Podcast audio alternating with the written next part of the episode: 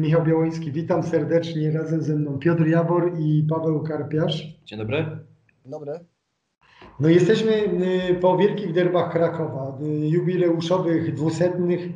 Y, Wisła Kraków całkiem nieźle się spisywała na stadionie Krakowi. Remis 1 do 1 ujmy i na pewno nie przynosi, a pewnie mogłoby być znacznie lepiej, gdyby nie, gdyby nie nadgorliwość w zasłanianiu dostępu do piłki w wykonaniu Felicio Brown Forbesa, który wiedząc o tym, że ma już żółtą kartkę na koncie, nie powinien ryzykować y, takiego wejścia, które skutkowało jego usunięciem. Niektórzy nawet twierdzą, że to jego, ten jego pierwszy faul to już mogło być wykluczenie.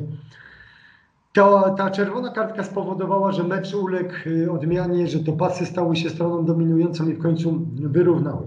Natomiast no, Wisła Kraków nie jechała tam w roli faworyta. Miała nowego trenera Petera Dybale, który zaledwie jeden trening z nią przeprowadził i uzyskała cenny remis. Piotr Jabor, co sądzisz o tych derbach?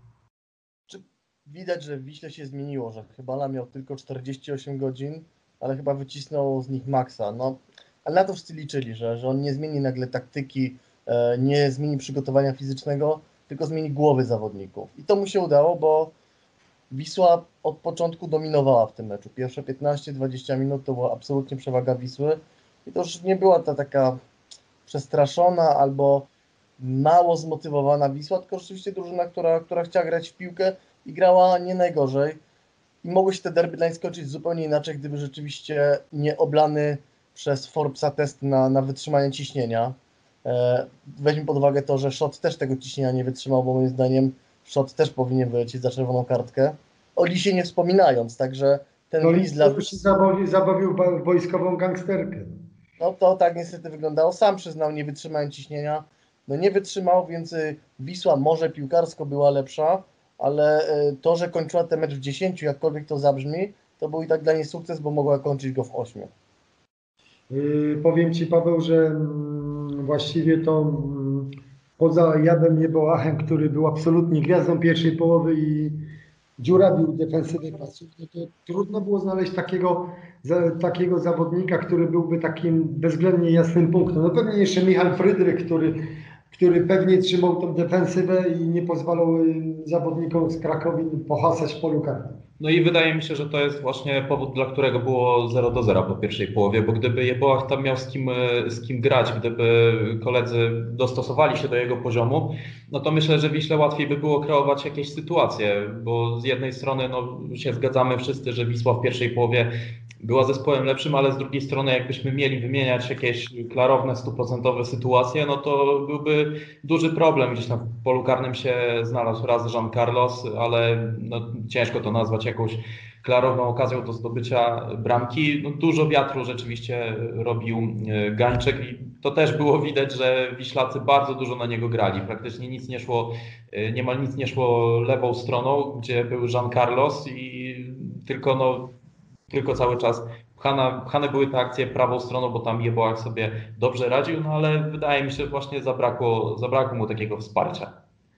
Trzeba powiedzieć też chyba, że Piotrek, że udanie wypadł debiut, debiut Chybali, bo byliśmy na tym pustym stadionie, gdzie słychać było od czasu do czasu bluzgi pod adresem sędziego w wykonaniu niestety najwyższych władz Krakowi również, ale też było słychać Chybale, który podpowiadał, żył, press the ball, yy, Szota ustawiał, żeby nie odchodził za wysoko yy, przy wyprowadzaniu piłki, żeby było z kim tą piłkę rozegrać.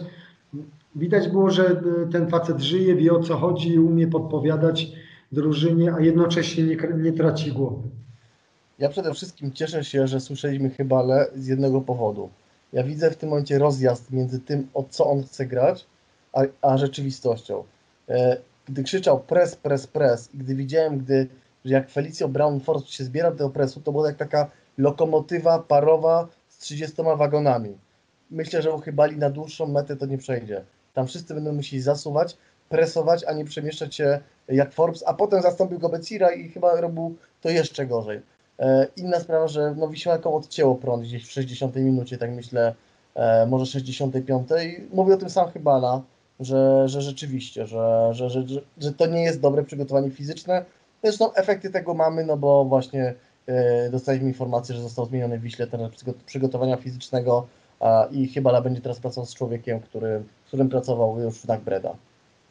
No tak, z tego co wiemy też to wiemy, że Peter Chybala sobie wywalczył nie tylko trenera przygotowania fizycznego, ale też ma przyjść zagraniczny fachowiec y, z Niemiec albo z Belgii, który będzie fachowcem od taktyki, od rozpracowania i przeciwnika i od przygotowania taktycznego y, Wiślaku, więc to są takie wzmocnienia merytoryczne sztabu Białej Gwiazdy.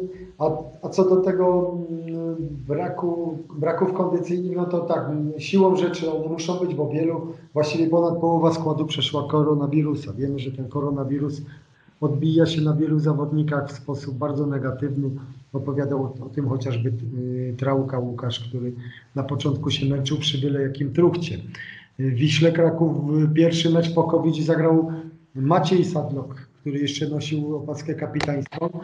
I widać było, że to jest Maciek Sadlok grający jak rutyniarz, bezpiecznie z tyłu, bez y, wychylania się, ale nie było tam zbyt wielu wycieczek do przodu w jego wykonaniu, bo już pewnie płuca nie te, wystarczy, że nie trenował przez prawie dwa tygodnie, więc to są takie obiektywne czynniki, na które nikt by nie, nie zaradził tak naprawdę. Powiem. Tak, rzeczywiście no, nie, nie, nie oglądaliśmy Maćka Sadloka w tych ofensywnych wyjściach i rzeczywiście może to mieć właśnie mm, przyczyną tego może być to, że właśnie wrócił po tej, po tej koronie, no ale wystarczyło tak naprawdę dla Wisły, że zabezpieczył tę lewą stronę, bo ostatnio występował tam e, Dawid Abramowicz, jeszcze w meczu z Zagłębiem Łukasz Budliga, który też popełnił duży błąd przy drugiej bramce dla Zagłębia i na tej lewej stronie Wisły to tam że tak powiem, działy się rzeczy. E, I no już Maciek Sadlok myślę, że sobie naprawdę zaplusował tym, że chociaż, chociaż zabezpieczył defensywę na tej stronie Wisły. E, no Piotrek, sporo rzeczy zostało powiedzianych i napisanych na temat skandalicznego zachowania władz Krakowi z profesorem Filipiakiem, z Jakubem Tabiszem na czele, z posłem Ireneuszem Rasiem, którzy nie bacząc na to, że ich okrzyki rozchodzą się na cały stadion wobec braku nagłośnienia i tumultu kibiców. No jednak bluzgali na tego Stefańskiego, który mylił się, ale nie mylił się gdzieś tam w jakiś sposób skandaliczny. No nie mylił się bardziej niż na przykład Michal Sipla, który nie trafił do pustej bramki z dwóch metrów. Ale czy ty byś chciał jeszcze do tego coś dodać? Na przykład po lekturze wypowiedzi profesora Filipiaka, który był gościem w Lidze Plus Ekstra. Dla mnie on tam wyglądał na takiego oczywiście przyciśniętego przez dziennikarzy do muru, natomiast to nie, ja nie widziałem tam ani skruchy, ani takiego zwykłego, takiej zwykłej chęci, oj przepraszam, ja nie powinienem jako jeden z dowódców polskiej piłki klubowej, jako profesor wśród władz polskich klubów, tak się zachowywać po prostu. No, znaczy, z całym szacunkiem do profesora, jego tłumaczenia były dla mnie absolutnie absurdalne. Mówimy tu o jednym z najbogatszych człowieków w Polsce, przede wszystkim profesorze, człowieku na poziomie, ale jak ja słyszę, że ktoś mówi, że wchodząc na stadion, to on przestaje być biznesmenem, prezesem, przestaje być, e, e przestaje być profesorem, a staje się. Filip jak się usprawiedliwia, tym, że wszyscy na stadionach e, przeklinają.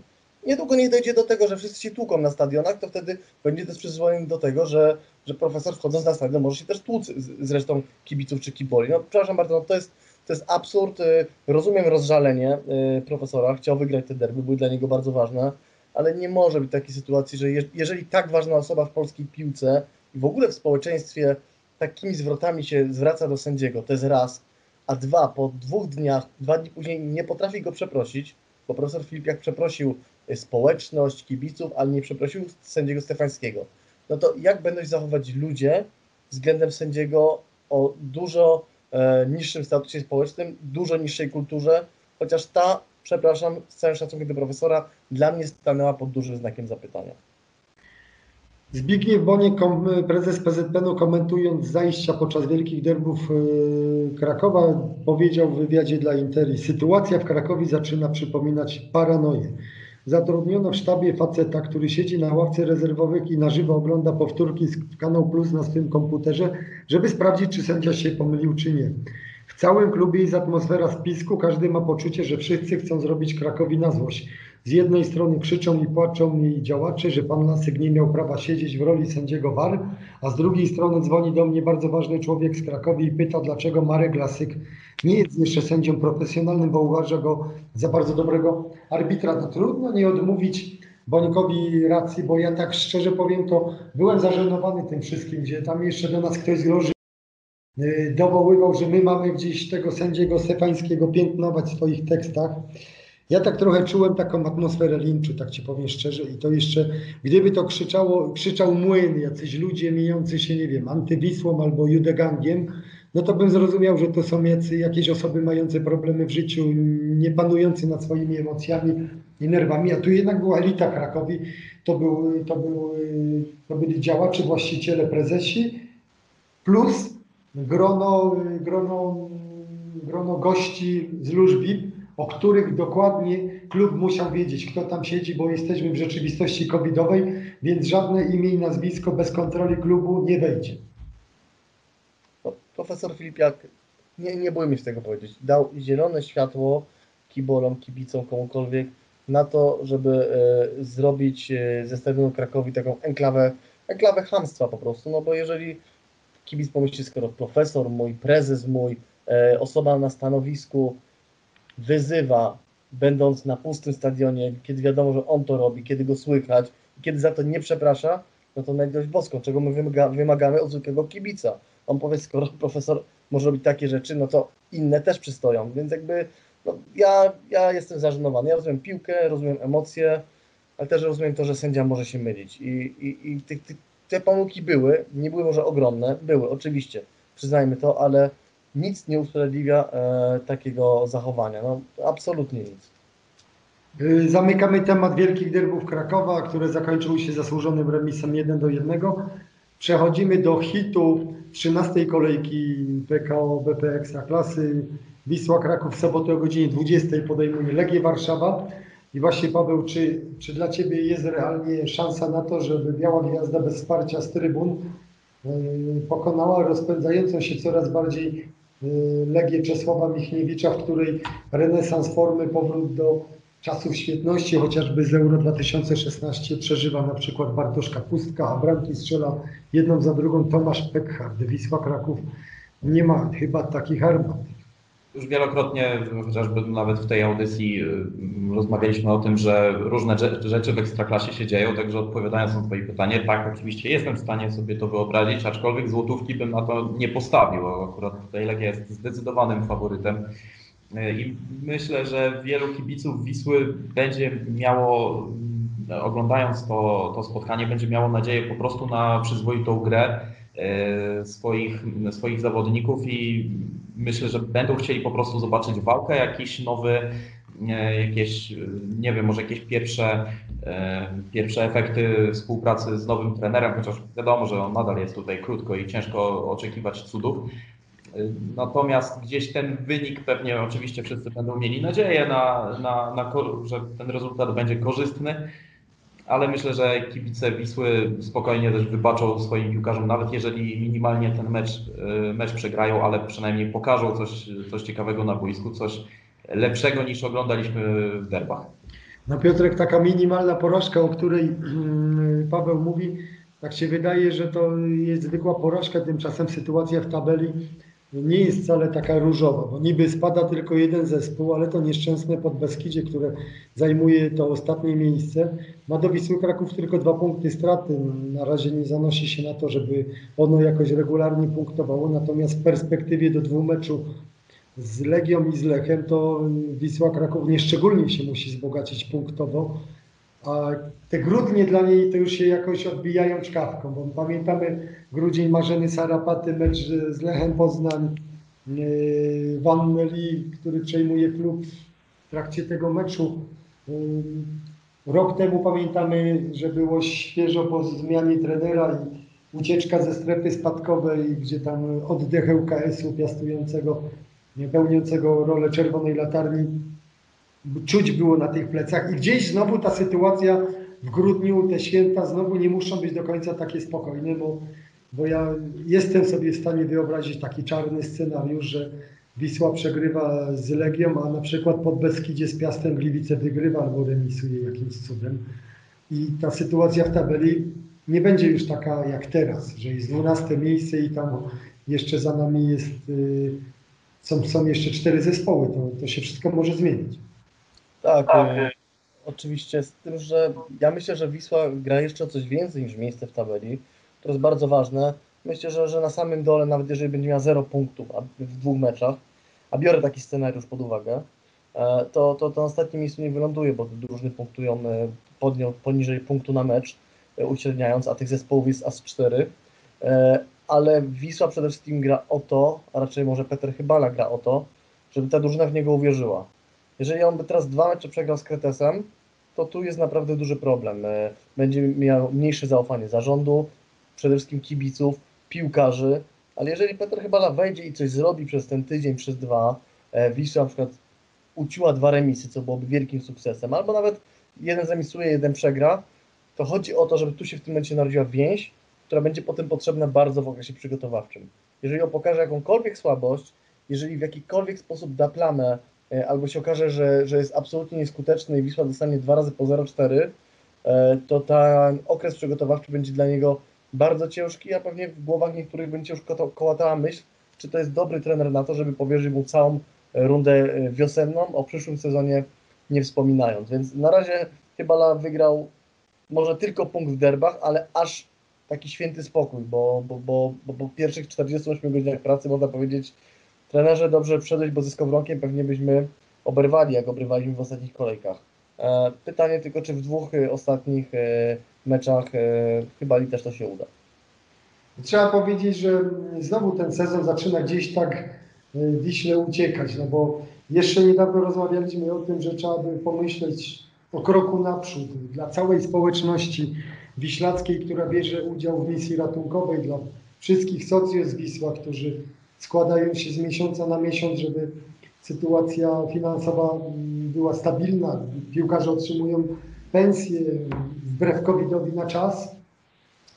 A tu trzeba powiedzieć, że już y, to ósme miejsce już tak odjechało, że raczej widać, że górna ósemka Wiśle nie grozi, bo po 12 kolejkach Wisła traci do ósmego miejsca 5 punktów, a to ósme miejsce piastuje Lech Poznań, który ma jeszcze jeden zaległy mecz, więc mm, raczej się będzie piął w tabeli, a za Wisłą jest Piast Gliwice, którego nie wyobrażam sobie, żeby on na trwałe był y, y, gdzieś w ogonie tabeli, mając dobre przygotowanie, mając całkiem niezłą kadrę.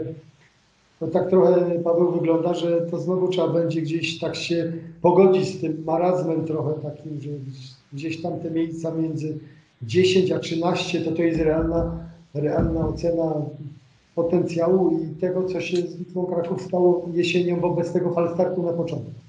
Na pewno jeszcze dużo grania przed nami, wiele się może wydarzyć. Tak, szans Wiśle na to przynajmniej dziewiąte miejsce bym jeszcze e, nie zabierał, natomiast fakt jest taki, że Biała Gwiazda trochę wylądowała w tym samym miejscu, na którym była e, rok temu. Co prawda no nie ma teraz takiej fatalnej serii jak wtedy, jeszcze Wisła nie przegrała sezonie siedmioma bramkami, jak to też się zdarzyło w zeszłym sezonie, ale lepiej, lepiej w klubie jest tylko o tyle, że tak jak wspomniałeś, spada jeden zespół, bo gdyby spadały trzy, to myślę, że już trochę gdzieś w klubie można by było pewnie zobaczyć jakieś oznaki paniki. Wisła jest, myślę, że mimo wszystko w tym sezonie stosunkowo bezpieczna i raczej, raczej nie spadnie. Natomiast y, no niestety zabrakło chyba trochę, trochę decyzji przed sezonem, co zrobić y, z Arturem Skowronkiem. Dostał. Czyli że go zwolnić.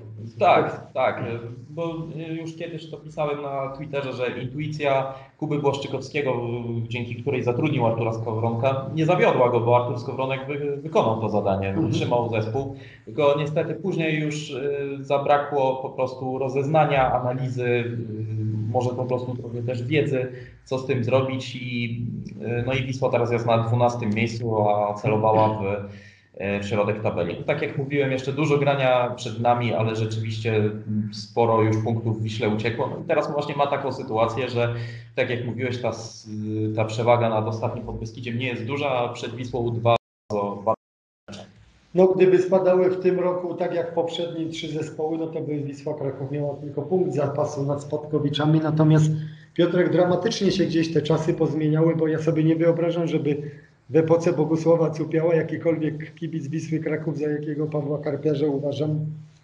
powiedział, że on kupuje przed meczem z Legią u siebie nikłą porażkę.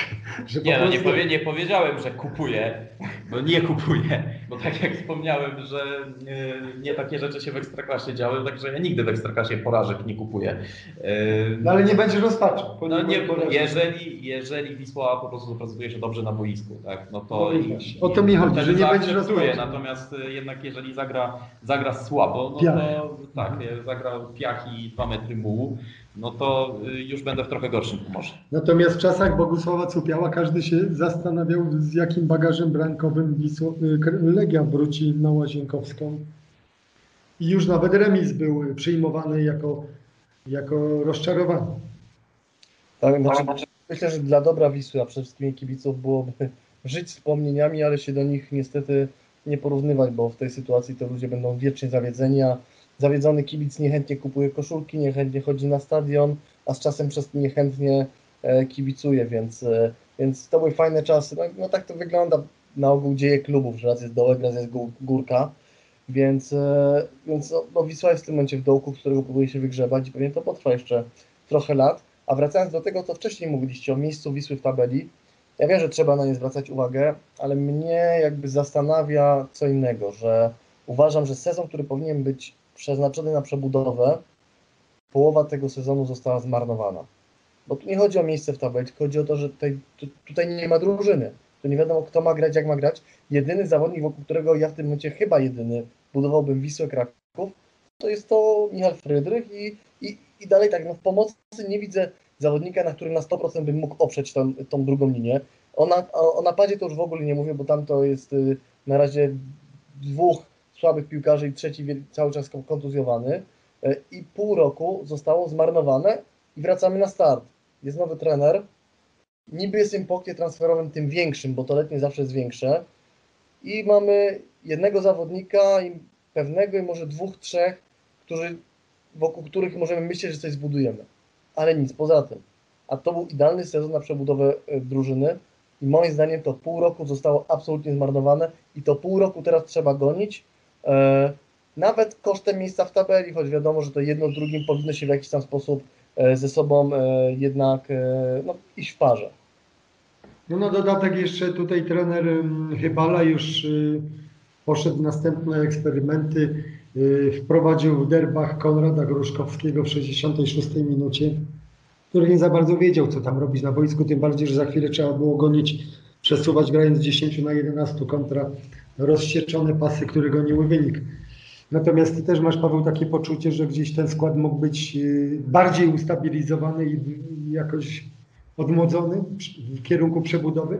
Myślę, że tak i ta przebudowa jeszcze pewnie będzie trwała, bo w tym sezonie kończą się kontrakty wielu piłkarzom, zwłaszcza w linii obrony i myślę, że tam to będzie wielka, wielka czystka, natomiast się zgadzam, że tutaj takiego drugiego piłkarza jak Frydrych, no to w Wiśle, Wiśle Kraków po prostu nie ma na takim poziomie. Ja już to kiedyś mówiłem, że y, facet dla mnie w ogóle mógłby nie grać w Ekstraklasie, bo jest po prostu na nią y, na nią za dobry. Na szczęście Wisła się akurat tutaj zabezpieczyła, podpisując na kontrakt, kontrakt na, na 3 lata, więc niełatwo go tam będzie stamtąd wyciągnąć, a przynajmniej na pewno nie za darmo. Yy, Natomiast rzeczywiście, jeżeli chodzi o budowanie tej kadry yy, w Wiśle, no to tu, tu kuleje i tu znowu będzie to pewnie kibice wracać po raz setny do tematu pionu sportowego i, i stanowiska dyrektora sportowego, który mógłby to poukładać. Nadal takiej osoby nie ma. Yy, Do tej pory tak naprawdę nie wiemy, bo Jarosław Królewski w wywiadach wcale tak no, nie odpowiada konkretnie, że nie chcemy zatrudnić, bo wolimy sami tylko gdzieś tam krąży wokół tego, wokół tego tematu. Są czy- oczywiście cały czas jakieś plotki, które się pojawiają co i raz, kto mógłby to stanowisko objąć, ale na razie nic się nie zmienia. I tym optymistycznym akcentem kończymy ten y, odcinek Jasnej Strony Białej Gwiazdy. Oczywiście żartuję z tym optymizmem, ale y, zostawiamy teraz wolne pole piłkarzom. Niech oni podczas sobotniej konfrontacji z Legią Warszawa zrobią wszystko, by nas natknąć właśnie takimi bardziej wesołymi nastrojami. Sobota, godzina 20. Dziękujemy za poderbową Jasną Stronę Białej Gwiazdy. Zapraszamy na kolejną już po y, klasyku. Z Legią Warszawa był razem ze mną Piotr Giabon, Dziękuję bardzo. Paweł Karpiarz, Dziękuję bardzo. a ja nazywam się Michał Białoński. Do zobaczenia, do usłyszenia.